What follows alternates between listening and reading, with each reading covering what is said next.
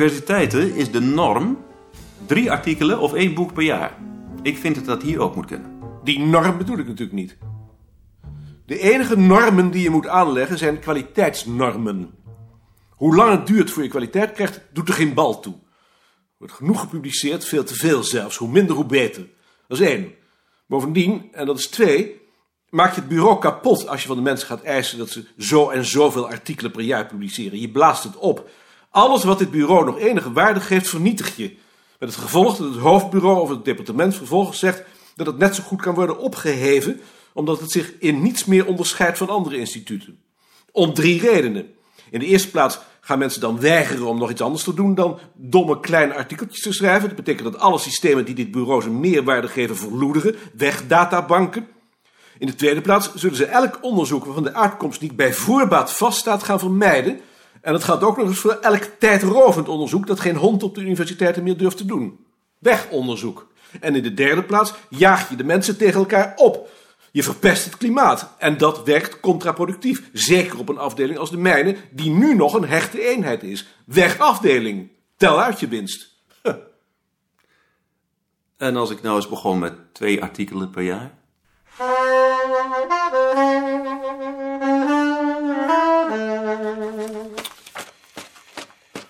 Ehm, zijn er nog opmerkingen over de notulen van de vorige keer? Ik heb helemaal geen notulen gehad.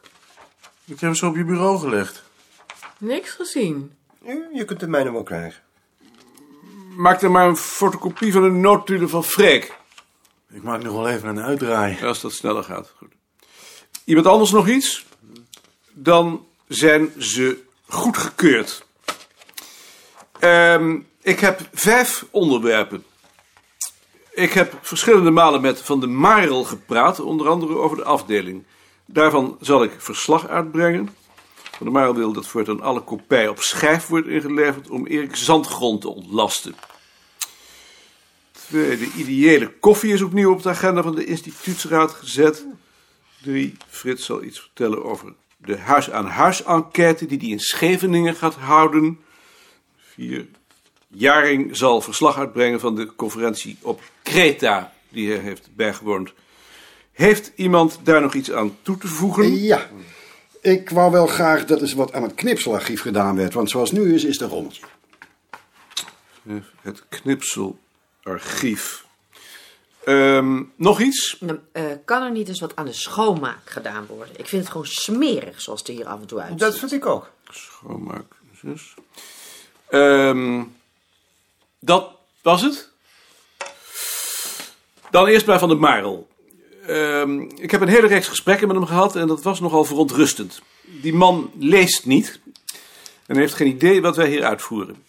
Ik heb geprobeerd dat aan zijn verstand te brengen door alle onderzoeken die hier gedaan worden stuk voor stuk met hem door te nemen en vooral op hun onderlinge samenhang te wijzen om te beklemtonen dat ze niet buiten elkaar kunnen, maar als je mij vraagt, begrijpt hij er geen bal van en interesseert het hem ook niet. Het enige wat hem interesseert is de productie. En onder productie verstaat hij het aantal artikelen per jaar, ongeacht hun lengte en ongeacht hun kwaliteit. Dat gaat echt van dik houtzaak met planken. Hij heeft zich in zijn hoofd gezet dat we hier, net als aan de universiteit, drie artikelen per jaar moeten kunnen publiceren. Ik heb gezegd dat hij het onderhoud van de databanken, de informatie op de afdeling en in het het onderzoek zoals wij dat tot nu toe gedaan hebben en tenslotte de hele afdeling wel op zijn buik kan schrijven, omdat dat allemaal onherroepelijk naar de knoppen gaat, maar ik geloof niet dat hij voor die argumenten gevoelig is. Het amuseert hem wel om zoiets te horen, maar hij begrijpt het niet. Het is werkelijk een man, niet met een plank, maar met een plaat ijzer voor zijn kop. Hoe dat moet aflopen, weet ik niet. Uh, het is te hopen dat de wetenschapscommissie het wel begrijpt, al is de kans met die nieuwe samenstelling wel veel kleiner geworden. Zou het dan niet beter zijn als je bij tijds op zijn lijn gaat zitten in plaats dat je hem tegen ons inneemt? En van jullie drie artikelen per jaar eisen. Ik denk er niet over. Ik moet niet op zijn lijn gaan zitten, hij moet op mijn lijn gaan zitten. En als je nou de documentatie en de informatie helemaal door de documentalisten laat doen, zodat de onderzoekers alleen nog maar onderzoek hoeven te doen. Jawel, gooi het maar in mijn pet. Dat doen wij wel even, hè, Tjitske?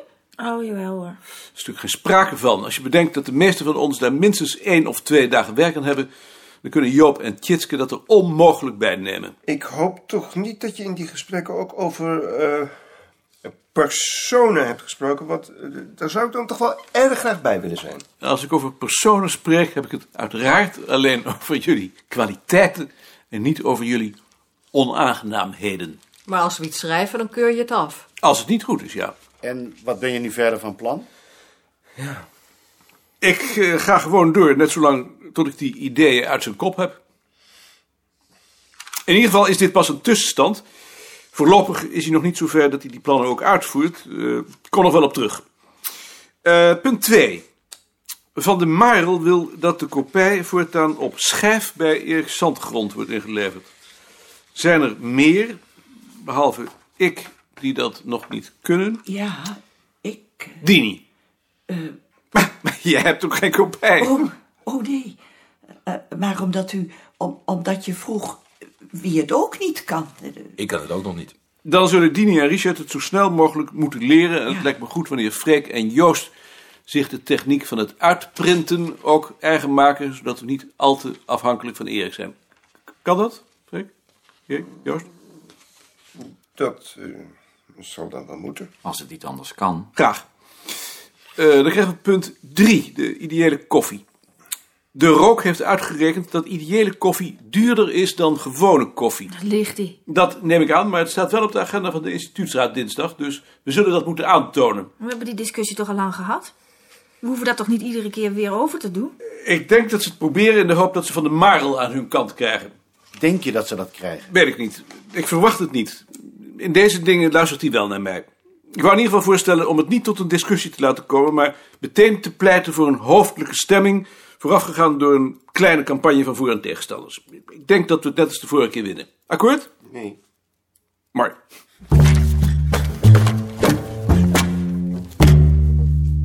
Gert, Ik wou mijn ontslag nemen. je ontslag?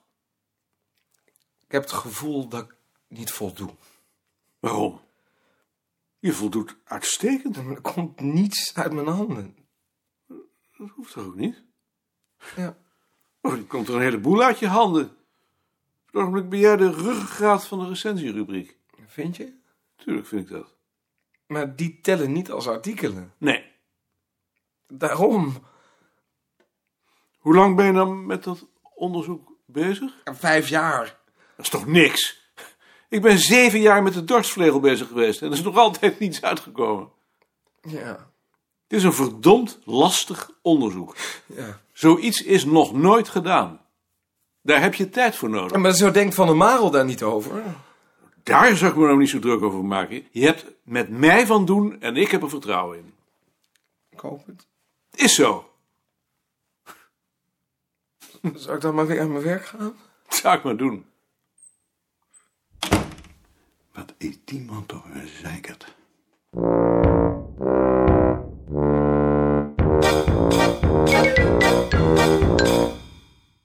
Wist jij al dat Elshout op 1 januari met de fut gaat? Nee, dat, eh, nee, dat wist ik niet. Hij is het me net komen zeggen. Hmm. Had je dat verwacht? Nee, dat had ik niet verwacht. Maar je bent er niet rouwig om?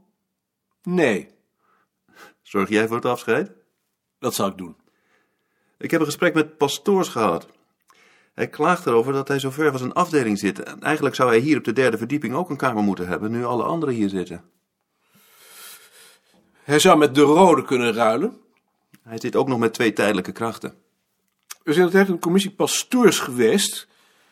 Daar heb ik op het laatst, toen ik waarnemend directeur was, nog ingezeten. En die is toen eenstemmig tot de conclusie gekomen dat de verdeling zoals die nu is, de enige rechtvaardige verdeling is.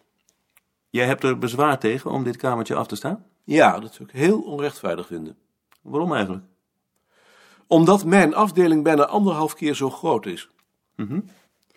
En als je nou eens de kamer van Elshout nam, dan heb je ook een eigen Het kamer. gaat niet om mij. Als Elshout weg is, heeft niemand van mijn mensen meer een eigen kamer. En bij Volkstaal heeft iedereen dat. Wij hebben die twee kamertjes nodig voor wie zich een tijdje wil terugtrekken. Ik ga dat toch nog eens inventariseren. Ik beschouw het als mijn taak om voor dit ruimtelijke probleem een oplossing te vinden. Ik, ik kom nog met een voorstel. En dan heb ik nog iets. Ik wil in de eerstvolgende vergadering van de wetenschapscommissie een toekomstvisie voor de jaren 88 tot 93 overleggen. Kun jij die voor jouw afdeling voor half oktober inleveren? In september ben ik met vakantie. Daarom vraag ik het je nu al. Ik vind dit soort lange termijn plannen idioot, maar ik zal er een maken. Graag. Die bedrieger die komt nooit weer. Die bedrieger die komt nooit weer. Jaring gaat 1 januari met de FUT. Wist jij dat? Hoe zou ik dat weten? Nou, kon zijn. En de uitgaven van zijn liedjes? Ik vrees dat hij zich daarmee alleen maar heeft willen indekken. Dat zullen wij dus moeten doen. Behalve dan die ene langspeelplaat. Misschien is dat een werkje voor Rie. Dan moet ze straks wel begeleid worden. Dat wil ik wel doen. Ja? Waarom niet? Het is een idee. En verder wil Van der Maren dat ik alweer een vijfjarenplan schrijf, nu voor de jaren 88 tot 93. En hij gaat zich zelf bemoeien met de herverkaveling van de ruimte. Is Volkstaal soms weer over die kamertjes begonnen? Pastoors wil nu ook boven zitten, met zijn tijdelijke krachten. Ik zie toch aankomen dat we ze kwijtraken. Ik ook. Maar het is nog niet zo ver. Jaring, Je hebt zeker al wel gehoord dat ik met de fut ga. ik heb het gehoord. Die bedrieger die komt nooit weer. Die bedrieger die komt nooit weer.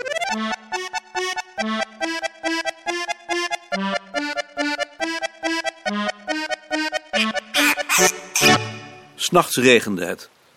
Toen ze wakker werden, regende het nog. Een dunne regen. De twee anderen, een jongen en een meisje, waren al weg. De resten van hun ontbijt stonden in het café. Bij de epicerie troffen ze hen drie kwartier later opnieuw, zodat ze toch nog de eerste waren die op pad gingen. Het regende zacht. De mist kroop omhoog tegen de hellingen. In de klim werd hij dikker. Onder de rust passeerden de twee hen op enige afstand gevolgd door nog vier anderen. Een man die sprekend op Freek de Jonge leek, met een chagrijnige blonde vriendin. En twee mannen met snorren, die ze de vorige dag ook al hadden gezien en die blijkbaar ergens anders in het bergdorpje onderdak hadden gevonden. Ze lieten hen passeren en klommen nu in vierde positie omhoog. Toen ze hen inhaalden, raakte Nicolien in paniek. Ze wilde niet inhalen. Ze wilde die mensen niet meer zien. Maar het tempo van de vrouw van die jongen was zo laag dat ze wel passeren moesten. Die merkte dat zelf ook en ze bleef stilstaan om op het smalle pad plaats voor hun te maken. In de regen en de mist klommen ze verder.